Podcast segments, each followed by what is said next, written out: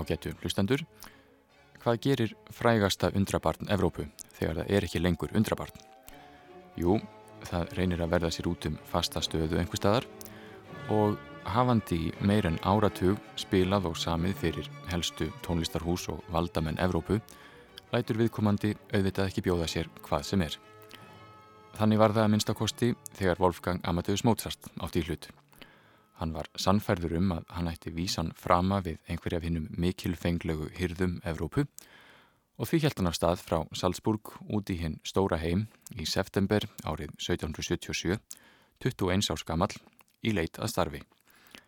Wolfgang var frjáls ferða sinna þar sem hann hefði nýverið sagt lausu starfi sínu við hyrð erkibiskupsins í Salzburg.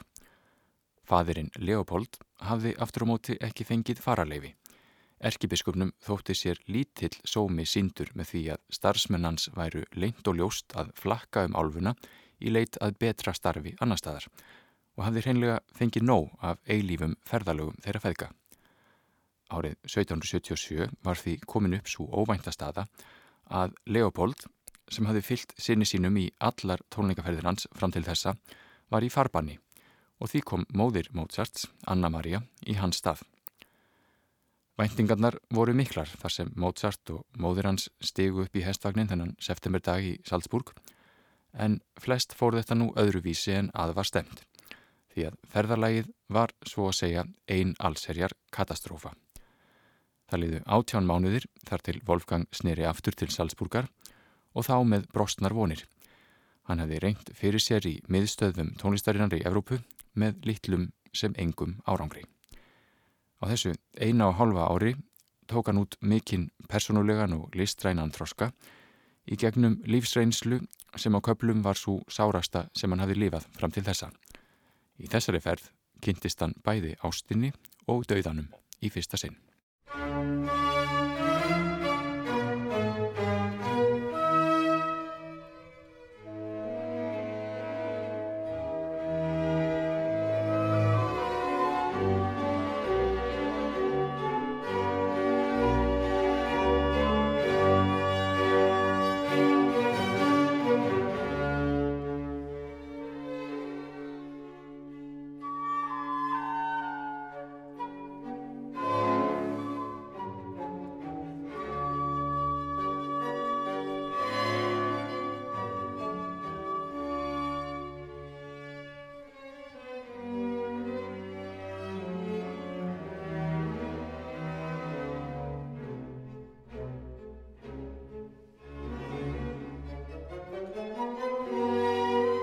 Mozart ætlaði svo sannarlega að sigra heiminn þessa haustu daga árið 1777 og hann stemdi hátt í veröld atvinnumennskunar.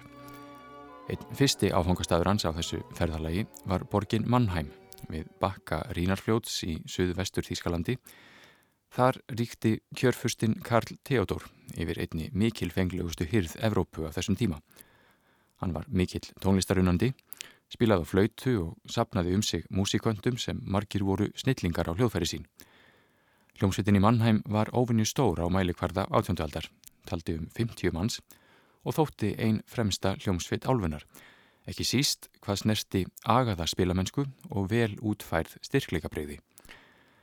Hljómsveitin helt tónleika tvísar í viku í glæstum salarkinnum hallarinnar og það var hér sem Mozart heyrði í fyrsta sinn sinfóniur með klarinett innaborðs. Hann var svo hugfangin að ekki liðunema fáeinir mánuðir þar til hann hefði sjálfur samið sína fyrstu sinfoníu þar sem klarinett taka þátt. Það vantaði svo sannlega ekki tónskáld við hyrðina í Mannheim. Sá sem styrði hljómsveitinni var fyrirleikarin og tónskáldið Kristján Kannabík. Hann hefði sjálfur lært hjá Jóhanni Stamitz, fyrirleikaranum sem hafði þjálfað hljómsveitina í Mannheim ára tvíin á vundan og komið inn í hóp hinna allra bestu. Þeim Mozart og Kannabík vart vel til vina og og Mozart kendi dóttur hans, Rósu, á piano meðan hann dvaldi í borginni.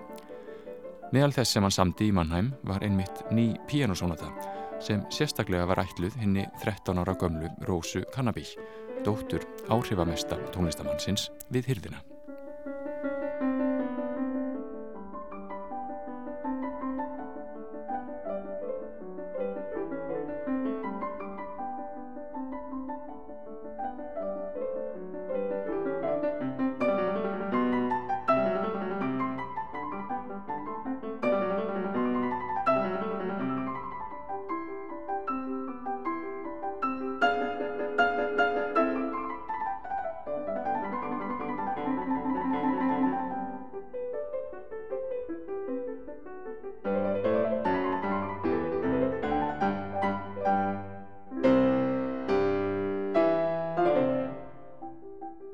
Pianosónatan í Setur K309 sem Mozart samti skömmu eftir komuna til Mannheim. Mozart eignaðis fjölda vina og kunningja í bænum og meðal þeirra voru Vendling fjölskyldan, hjónin Jóhann og Dorothea og dóttir þeirra Elisabeth. Jóhann Vendling var flautuleikari í hirðhljómsveitinni og kona hans var þekkt söngkona, söng meðal annars nokkrum árum síðar í Óperu Mozarts í Domineo í München. En það var dóttir þeirra Vendling hjóna sem heitlaði alla upp úr skónum. Hún þótti afar hæfileikarík söngkona og svo var hún líka einstaklega fögur. En það gengur þær sögur að hún hefði átt í ástarsambandi við sjálfan kjörfurstan og að Jóhann Kristján Bach, sonur tónskálsins fræga, hafi Ólmur viljað kvænast henni þegar hann dvaldi í Mannheim nokkrum árum fyrr. Mozart var í essinu sínu í þessum músikalska vinahópi og samti tvö sönglög handa Elisabetu Vendling við franska teksta. Þótt ótrúlegt megi virðast eru þetta einu verkin sem Mozart samti á fransku annars eru öll söngverkans við teksta á þýsku, ítölsku eða latínu. Elisabeth fekk sjálf að velja ljóðin sem Mozart tónsetti og hún söng þau í fyrsta sinn við undirleik tónskálsins.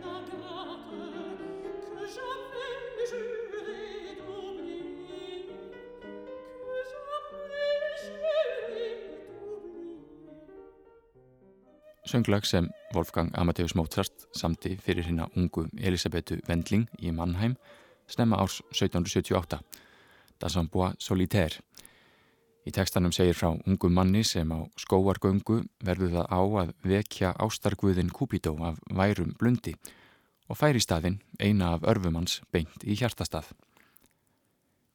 Í gegnum vendlingfjölskylduna í Mannheim kynntist Mozart auðugum áhuga flautuleikara ættuðum frá Hollandi Ferdinand de Jean sem reyfst svo af tónlistans að hann ákvaði að gera magninkaup, pantaði hjá honum heila þrjá flautukonserta og auki nokkra kvartetta fyrir flautu og strengi. Eina skilirðið var að konsertatnir mættu ekki vera of erfiðir því að tæknilegri getu flautuleikarans de Jean voru takmörg sett.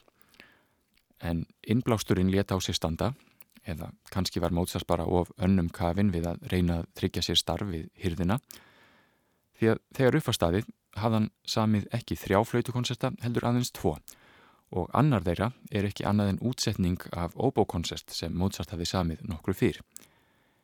Í brefi til föðursins um þetta leiti segir Mozart að sér veitist erfitt að semja fyrir hljóðfæri sem hann þól ekki. Kanski svolítið sérkennilega aðtúa semt en svo virðist sem flautan hafi að minnstakosti ekki verið eftirlæti sljóðfæri Mozarts. Í þessu tilviki var andúðinn á flautunni honum dýrkeift því að áhuga maðurinn Dejean neytaði að greiða nema 96 gillinni fyrir tvo konserta þótt hann hafi upphálega lofað að borga 200 gillinni fyrir þrjá. Mozart var síður en svo ánaður með þessi málalók og hver svo sem ástæðan var þá samtan aldrei aftur einleiksverk fyrir flautu.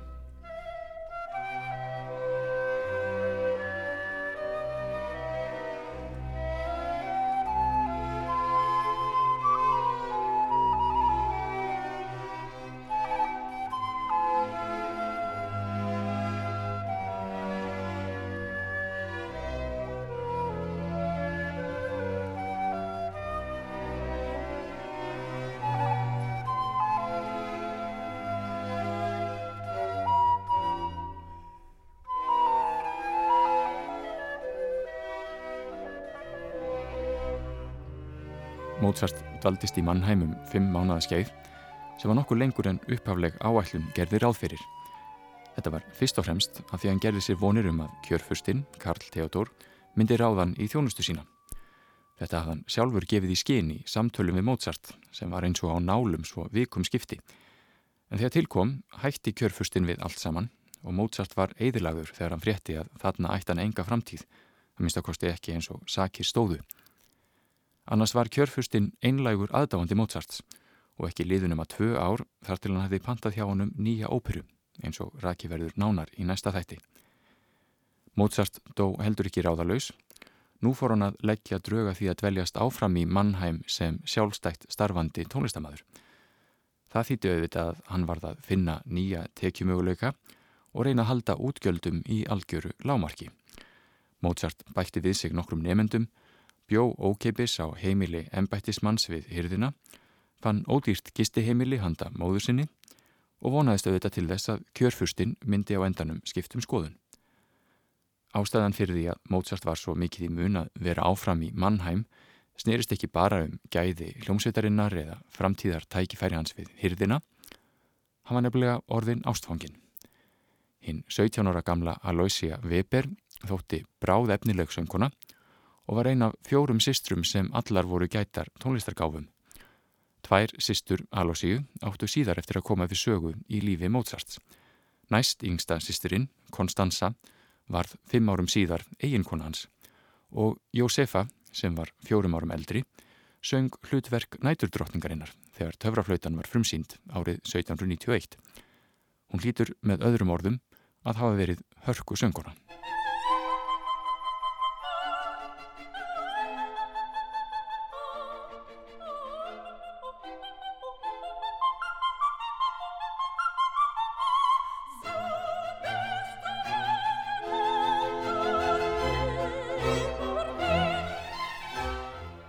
söngona. Fyrstum sinn var það hinn hæfileikaríka Aloysia Weber sem átti hug Mozarts allan og í februar 1778 sagðan föður sínum í Salzburg allt af létta.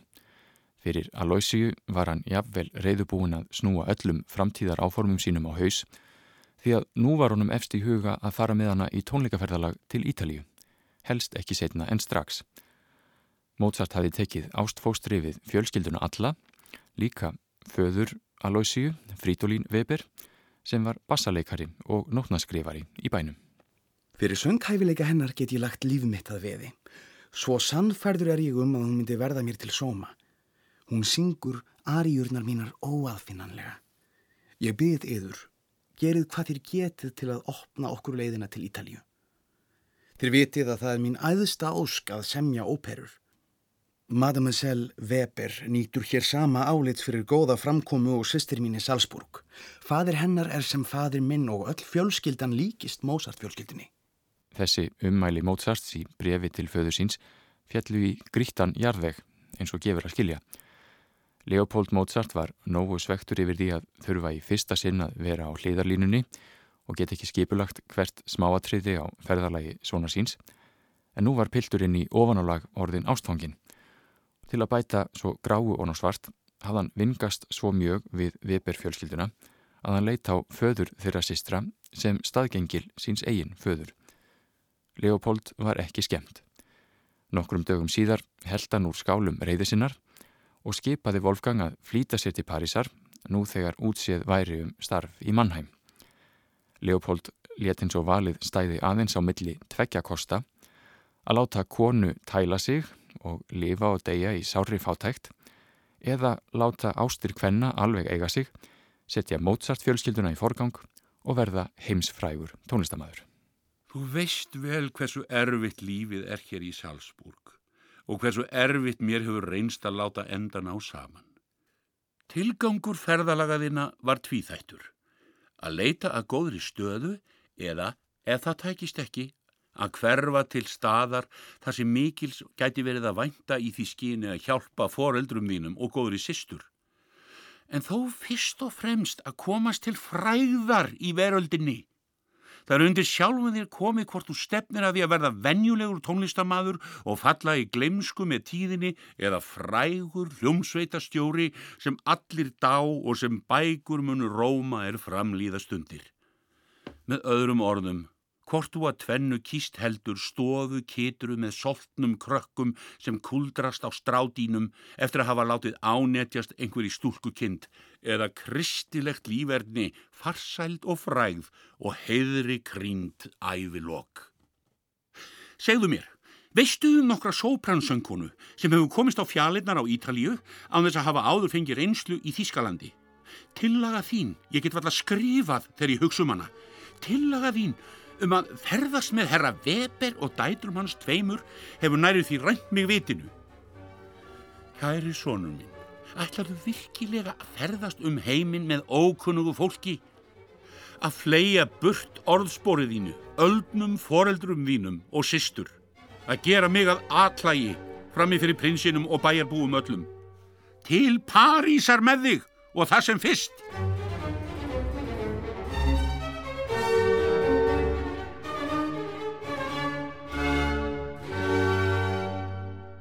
Mozart gati ekki annað en hlýtt þessari skipun föðu síns og til Parísar kom hann á samt móðu sinni í mars 1778. Hann hafði áður komið til borgarinnar, var þar um nokkura mánuða skeið þegar hann var 8 og 10 ára gamall í henni miklu Evrópureysu Mozart fjölskyldunar. Þá var hann eftirlæti allra Parísarbúa, hafði meira sé að spilað fyrir konungsfjölskylduna í Versölum, en í þetta sinn hlaut Mozart vægast sagt dræmar undirtæktir sama hvort var við hyrðina, hjá áhrifamiklum aðalsmönnum eða almenningi. Flestir voru búinir að gleima undrabarninu sem hafi vakið svo mikla aðtikli, enda 12 ár liðin og Mozart orðin fullorðin. Hann var bara enn einn tónlistamadurinn í borg sem var yfir full af hæfileikaríkum tónlistafólki. Áhuga leysi borgarbúa þegar komað Mozart var heldur ekki bundið við þessa mánuði sem hann var þar sjálfur Áheyrendur þar voru í raun fyrðurlega fálátir um tónsmíðarans alla tíð. Eins og sést af því að ekki ein einasta ópera Mozarts komst á fjallinnar í París meðan hann sjálfur livði. Óperustjórin í París var þektur fyrir það að taka engar áhættur og færði helst ekkert upp nema ódýrar óperur sem þegar höfðu sleið í gegn annar staðar og því stóð Mozart ídlaða víi.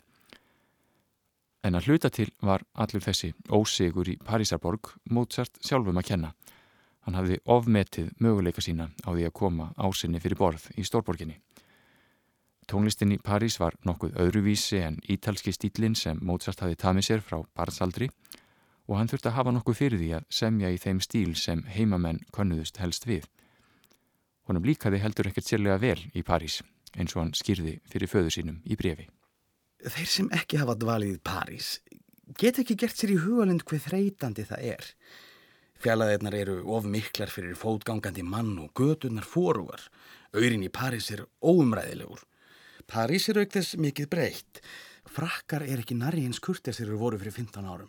Nú er þeir næstum því dónalegri viðmótu og óþólandi ríg mannir. Hér er ég ennum tóm nöyt og asna, hvað tónlisnertir. En ég er nú einu sinni hér og verða þrauka yðar vegna. Ég þakka Guði almáttugum ef ég kemst hérðan með óbrjálaðan smekk. Mozart gaf sem sagt lítið fyrir smekk heimamanna og honum þótti tónlistin sem hljómaði á konsertum í helstu tónleikaröð borgarinnar, konsert spirituell, heldur lítilfjörleg. Almennt fannst honum tónlistarlíf bæjarins svolítið sérkennilegt og söngvararnir í París, þeir voru alveg afleitir. Það sem er gremst einna mest er að þessir frönsku herrar skuli gefa bætt smekksinn meirinn svo að þeim stendur alveg á sama hvað þeir heyra. Ætlast til þess að þeir skinni hvað tónlist þeirra sjálfra er léleg eða heyri að minnst okkur eitthvað mun, nei, Guð hjálp okkur. Og hvernig þeir syngja, drottin minn dýri. Ó, ég þyrti aldrei að heyra eina þessara frönsku drósa syngja ítalska arju. Ég get fyrir gefið henni þegar hún góla sitt franska glamur en ekki að hún spilli góðu lægi. Það er óþálandi. Tónleikaröðin í París, Concert Spirituel, var einn elsta opinbera tónleikaröð í Evrópu, sett á stopn árið 1725 og átti sér því meir en halvrar aldarsögu þegar Mozart kom til borgarinnar. Upphálega var um að ræða trúarlega tónleika sem haldnir voru á páskaföstu þegar óperan og leikúsin voru lokuð en hún þróaði síðan yfir í viðamikla tónleikaröð í glæsilegum salarkinnum í Tuilerí höllinni, þeirri sem stóði næsta nágrenni Lúfr og brann til grunna í fjórðu frönsku byltingunni árið 1871. Það var í mæ 1778, rúmum mánuði eftir að Mozart kom til borgarinnar, sem tónleikastjóri Concert Spirituel pantaði nýja sinfoníu hjá Mozart. Mozart tók tækifærinu feginsendi og samti fyrir þetta tilefni Sinfoníu nr. 31 sem oftast er kölluð Parísar Sinfonían. Hún var frumflutt við góðar undirtektir 18. júni en æfingarnar gengu ekki alveg þrautalaust fyrir sig. Raunan var ekki nema ein æfing. Verki var leikið tvísvar í gegn og látið þar við sitja, Mozart til mikillar skjelvingar.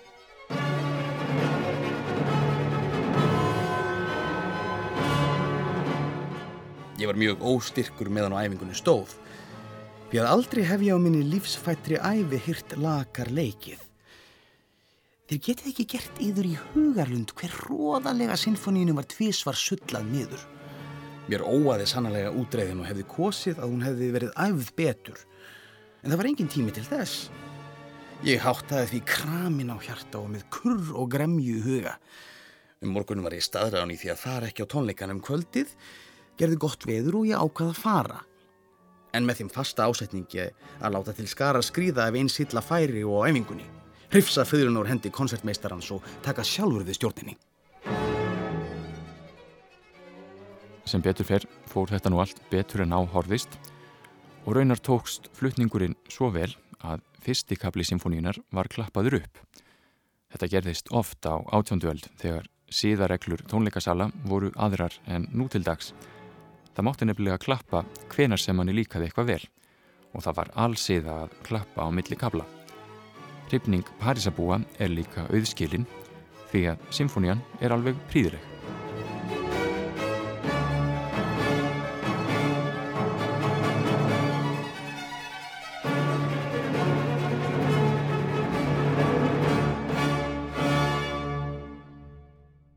Hér heyrðum við lokatakta symfóninumur 31, Parísar symfóníunar svo kalluðu sem Wolfgang Amadeus Mozart samti þar í borg sumarið 1778. Mozart þurfti að framfleita sér og móðu sinni í stórborginni og honum tókst að laða til sín nokkra nefendur bæði í pianoleik og tónsmíðum. Einn þeirra sem sótti hjá honum tónsmíðatíma var ung greifinja, Maria de Guin, sem einnig var fyrirtags hörpuleikari. Fadirinnar leik einnig príðilega á flautu Hann naut mikillar virðingar fyrir afreg sín í hernum og hafðum skeið verið sendiherra franska ríkisins í Lundunum. Það var fyrir þau feðgininn, greifan Adrian Louis de Guin og Mariu, dóttur hans, sem Mozart samti þetta voru í París konsert fyrir flautu og hörpu. Konsertar þar sem tveimur eða fleiri einleiksljóðfærum er telt gegn hljómsveit nutu einmitt mikilla vinselda í París um þessar myndir og voru eins konar sérgrein franskra tónskálda. Heimamenn kalluði slík verk Symfóni koncertant. Þau voru einhverstaðar mitt á milli þess að vera sinfónia og koncert. Eitthvað gekk Mozart samt erfiðlega að rukka greifan fyrir tónsmíðina þegar upp var staðið. Hann var fóksýllur og kvartaði sáran í brefi til föðu síns þegar briti greifans borgaðanum ekki nema helmingin af umsamtri upphæð. Þau voru nú næg vandræðin í París þótt Mozart væri eitthvað semja heilu tónverkin ókeipis. Greifin fekk svo sannarlega eitthvað fyrir sinn snúð og hefði betur borgað uppsett verð því að nú er hans helst getið í sögubókum sem nirvils. En tónlist Mozarts, hún er ekkert minna en dásamlega.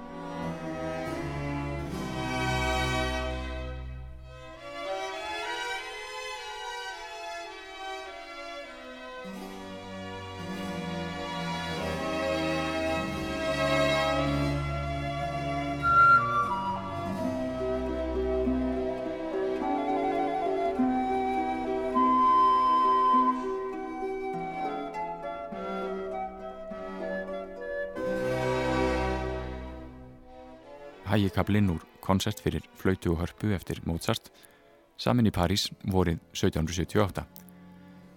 Þetta sama sumar samti Mozart annan slíkan fjölkoncert eða symfónikoncertant eins og Parísarbúar kalluði þá.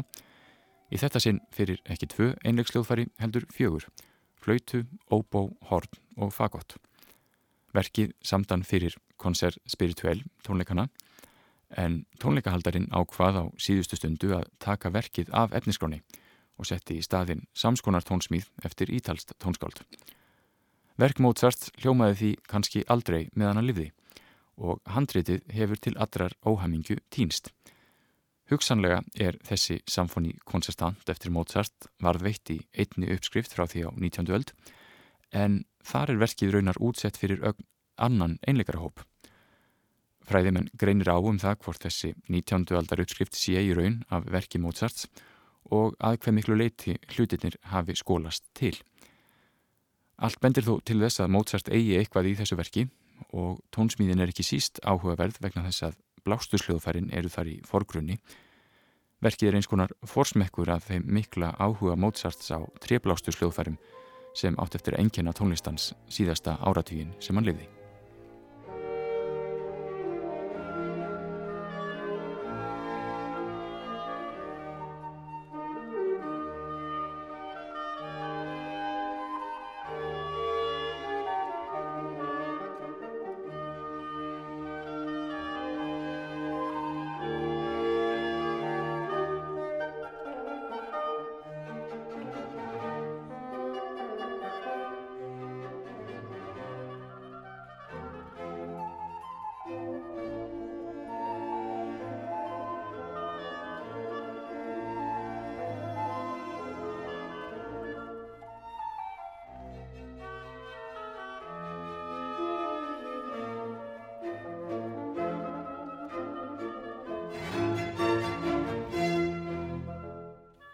1778 var Mozart upptekinn frá morgunni til kvölds við að kenna, semja og reyna að koma ársinni fyrir borð með því að kynnast rétta fólkinu í tónlistarheimi Parísaborgar.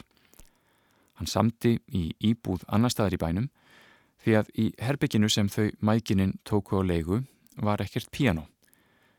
Það er ekki annað en góðsögn að Mozart hafi samið öll sín verki höfðinu án þess að snerta hljóðfæri.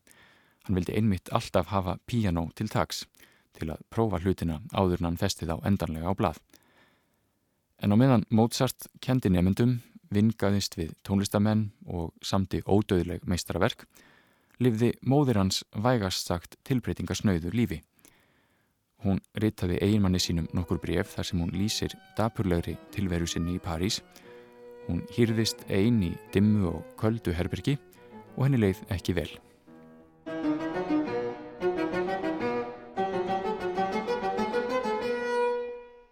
Líf mitt hér er nú ekki sérlega ánægulegt.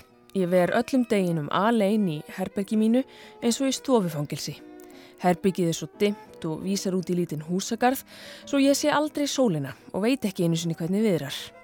Mér tekst með erfiðismunum að prjóna dálítið í dagspyrtjunni og fyrir þetta herbergi þurfum við að borga 30 skildinga á mánuði. En ingangurinn og stigarnir eru svo þröngir að það er ómögulegt að koma þangað píanói. Þess vegna þarf Wolfgang að semja annar staðar, þar sem er píanó, svo ég sé hann ekki allan liðlangan daginn og segi varla orð meðan ég sit hér einn. Líklega mun ég brátt gleima því hvernig maður talar.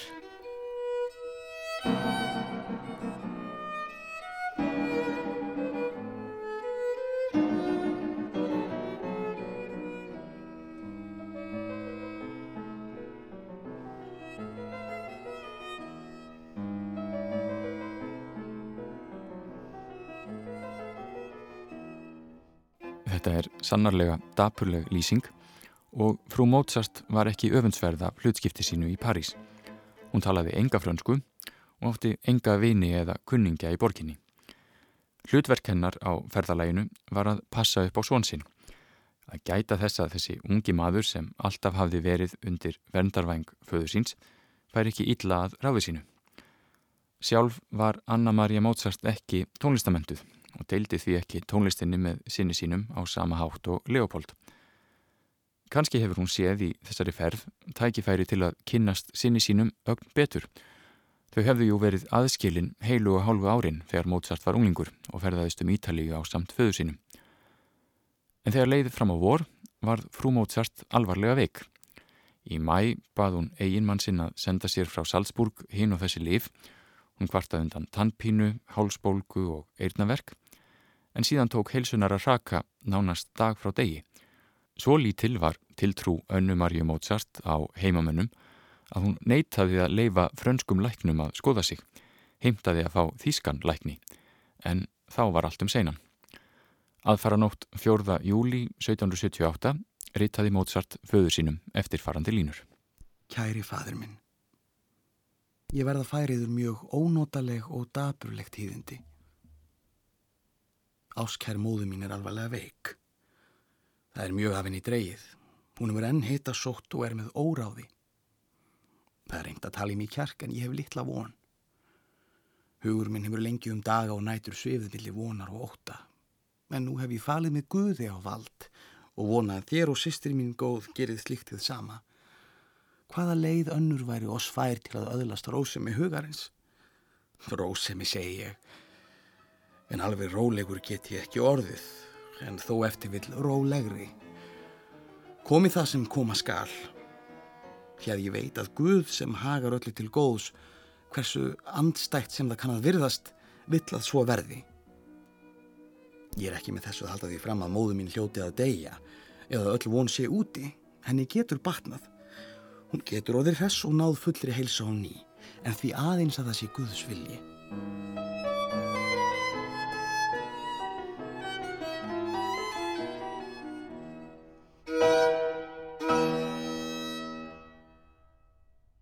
Staðrindin var svo að þetta bref Mozart til föður síns var ekki alveg sannleikanum samkvæmt. Móður hans var þegar látin þegar hann skrifaði þessi orð. Hafði kvart þennan heim fyrir um kvöldið, 57 ára að aldri. Mozart ákvaða að búa föður sinn og sýstur undir hinn válegu tíðindi með því að segja þeim aðeins hálfa söguna í byli. Strax og hann hafði skrifað þetta bref, sett hann á blað nokkrar línur til vinnarsins í Salzburg, sagði hann um alltaf létta um hörmungardagsins og baða hann að vera föður sínum innan handar þegar reyðarslægið kæmi. Sirki þér með mér, kæri vinnur. Þessi dagur var svo sorglegast í lífi mínu. Þetta skrifa ég klukkan tvö um nótt. En ég verða að segja þau það að móði mín, elsku móður mín, er ekki lengur. Guð kvatti hana til sín. Það var hann sem gaf og hann gætt líka tekið hana frá mér. Hugsið er yfir óvissu mín að kvíða og áhyggjur þennan halva mánuð. Ég hef liðið nóg og grátið, en kom það að nokkru gagni. Leopold var vitaskuld eðilagður yfir tíðindunum. Hann fekk ekki einu sinni að kveðja konu sína hinstu kveðju, því hún var jarðsett í París og var þegar komin undir græna torfu þegar hann fregnaði andlat hennar. En sorgin var líka blandin reyði og ásökunum. Við bröðinni næsta brefi Leopolds koma kannski nokkuð á óvart því að nú beindan sökinni að sinni sínum sem hefði, eða svo saði fadurinn, getað afstýrt öllum þessum hörmungum hefðan ekki verið svo eigingjarn og sínt slíkt ábyrðarleysi á ferðalæginu. Örlögin hafa leikið okkur greimt. Ástsæl móður þín vildi fús ferðast með þér frá Salzburg og hreyfði engum mótmælum. Hún átti að koma aftur heim þegar þú væri farin frá Mannheim. Það var ekki fyrir neftir að þú kynntist Weber-fjölskyldunni sem þú breyttir öllum þínum áformum um ferðalægið. Hefði móður þín snúið aftur heim til Salzburg frá Mannheim, hefði hún ekki látist. Hefði þú haldið fyrr til Parísar, hefði þú getað unnið sjálfuð þér meira gagn og ástkæri eiginkona mín væri nú í Salzburg. Með ég guðgefa að allt það sem gerst hefur hingað til muni ekki hafa enn verri afleðingar fyrir okkur öll.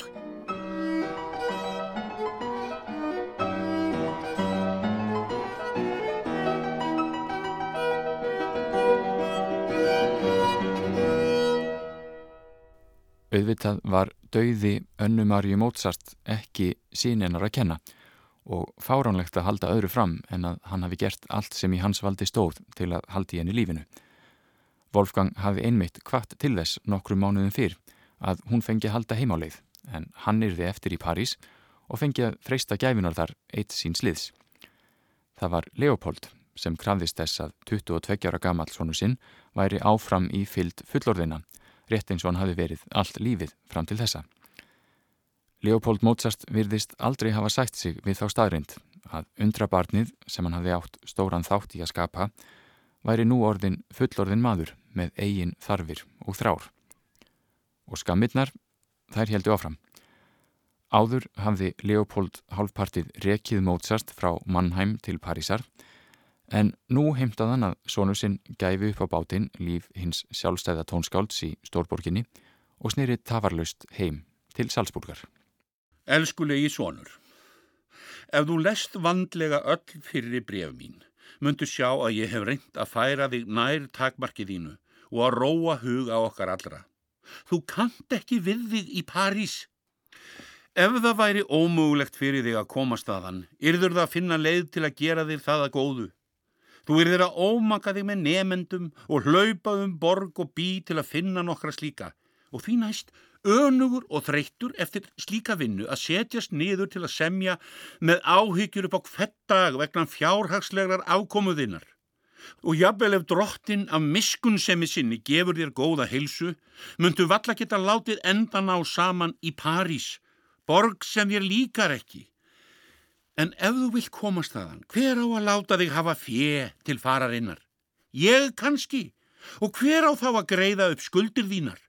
Viltu gefa upp á bátinn allt þann sem þér stendur hér til bóða þar sem þú getur unnið í friði og ró til að vera fastur í þrældómi í París?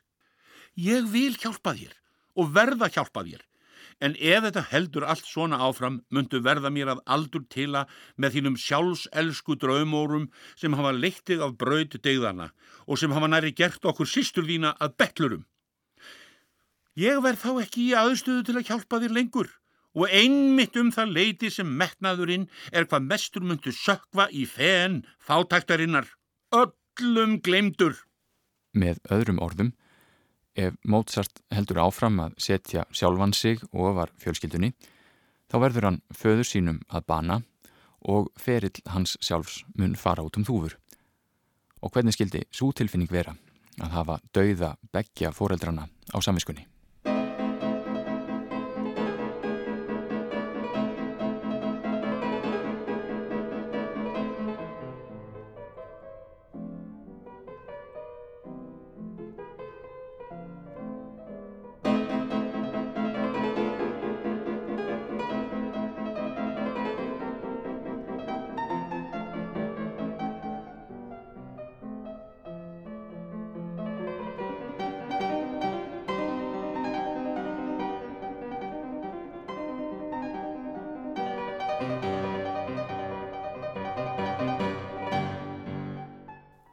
Mozart var undir gífurlegu tilfinningarlegu álægi sumarið og haustið 1778.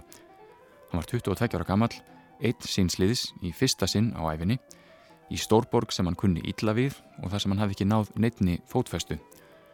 Móðir hans var látin og hann fekk reglulega skammarbref frá föður sínum í Salzburg. Því kemur varla óvart að sögum verkin sem hann samti þessa mánuði síðu einmitt dekkri og átakameiri en áður til dæmis fylgusónatan í e-mól sem hljómaði hér fyrir þættinum eða píjanosónatan í a-mól sem líklega var til stuttu síðar. Þetta var í fyrsta sinn sem Mozart samti sónutur í mól og nú komu þær tvær í rauð. Það er engu líkara en að með þessum dramatísku verkum hafa hann fengið útrás fyrir allar þær ómstríðu tilfinningar sem kröymuðu innramöðunum.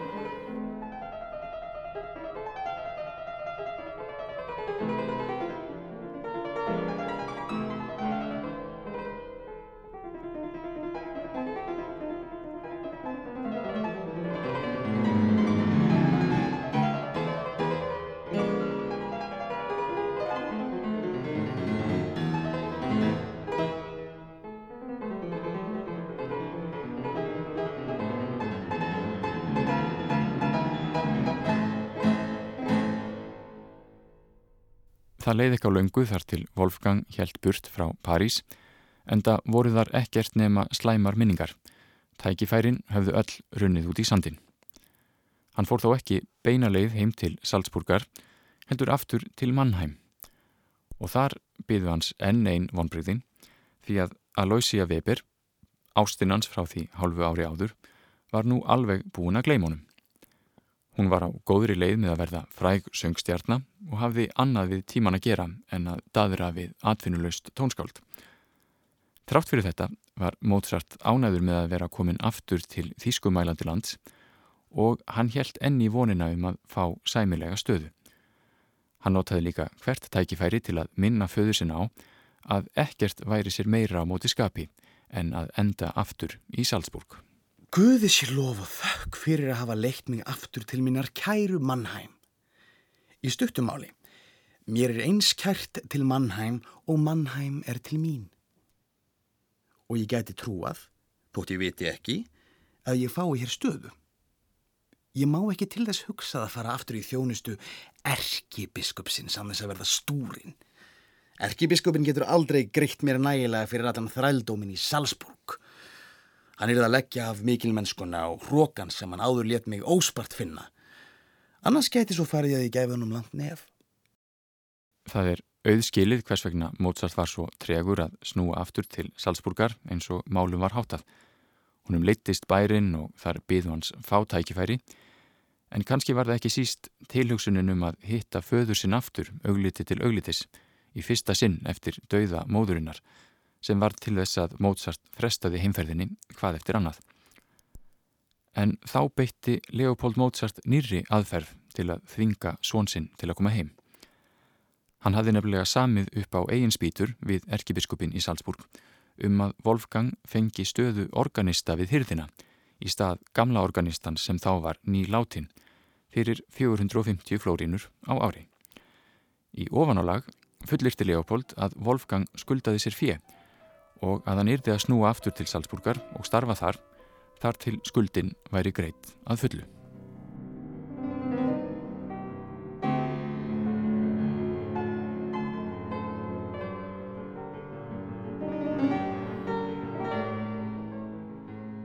Elskulegi svonur, ég veit hreinlega ekki hvað skal segja. Ég mun missa vitið eða vestlast upp úr einhverjum sjúkdómi.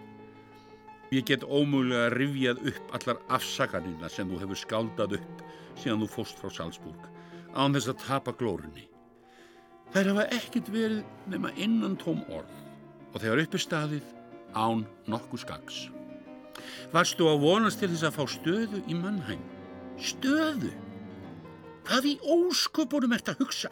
Þú átt ekki að taka við stöðu í Mannheim eða á nokkrum öðrum stað í heiminum einmitt núna. Það sem mestu máli skiptir er að þú snúir aftur til Salzburgar tafar löst. Það virðist sem áform þín snúist helst um það að valda mér tjóni til þess eins að geta byggt þínar skíaborgir. Í stuttumáli sagt ætla ég ekki að deyja í skömm, á kafi í skuldum þín vegna og enn síður ætla ég að skilja Vesalings sýstur þína eftir félausa. Ég verð að greiða mínar skuldir og um leið og þetta bref bestjér mynd þú halda af stað heimáleið án tafar. Mozart hafði auðvitað unnið sér inn fjö á þessu átján mánada ferðalagi sínu. Hann hafði kent og samið tónverk eftir pöntun en ferðin hafði þó ekki staðið undir sér og Leopold hafði lagt út fyrir ímsum útgjöldum. Þetta var í sjálfu sér ekki nema eðlilegt því að á hinnum miklu ferðalögum fjölskyldunar um áratug fyrr hafði Leopold auðgast mjög á tónleikahaldi litla undrabarsins. En nú var hlutdeild Wolfgangs í þeim auðæfum öllum orðin að engu. Hann var komin í byllandi mínus. Leopold reiknaði svo til að skuldin næmi samtals 863 flórínum eða tæplega tvöföldum þeim árslaunum sem Wolfgang buðus nú við hýrð erkibiskupsins í Salzburg og þegar samband þeirra feðga hafði verið smættað niður í útistandandi viðskiptaskuld átti Wolfgang engra kosta völ. Hann sneri aftur heim, bugaður eftir ferðalag sem ekki hafi skilað neinum árangri og hann kveið þess að þurfa við heimkomuna að kingja stoltinu og játa ósigur sinn, ekki aðeinskakvart föður sínum, heldur líka erkibiskupnum af Salzburg.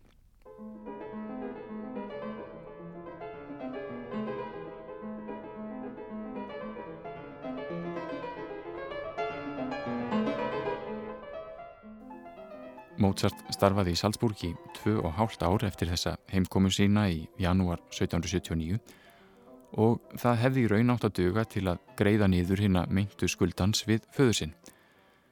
Mozart komst á fljóta því að samband þeirra feðga var of tilfinningarlega flókið til að þeir gætu nokkuð tíman náð fullu jafnvægi sem tveir fullornir einstaklingar. Með þeirri ákvarðun að snúa aftur heim fórnaðan í byli öllum fræðardraumum sínum en að vissuleiti einnig tilfinningarlegum þroska því að í augum föðurins var hann alltaf barn fremur en fullorðin einstaklingur með sjálfstæðan vilja. Eins og Meinard Solomon, æfisuguritari Mozarts, hefur bent á, var það grundvallar forsenda þess að Mozart ætti sér framtíð, bæði sem manneskja og sem listamadur, að honum tækist að brjótast undan okki föðu síns. Það tókst honum ekki fyrir en tveimur árum síðar og um það verður fjallan ánar í næsta þætti. Allar upplýsingar um verkin sem hafa hljómað hér, sem á flytjandur, má finna á heimasíðu þáttarins á rúf.is. Ég minni einning á sýstur þáttin, meistaraverk Mozarts, þar sem tónsmíðar hans hljóma í heilu lægi. Góða stundir.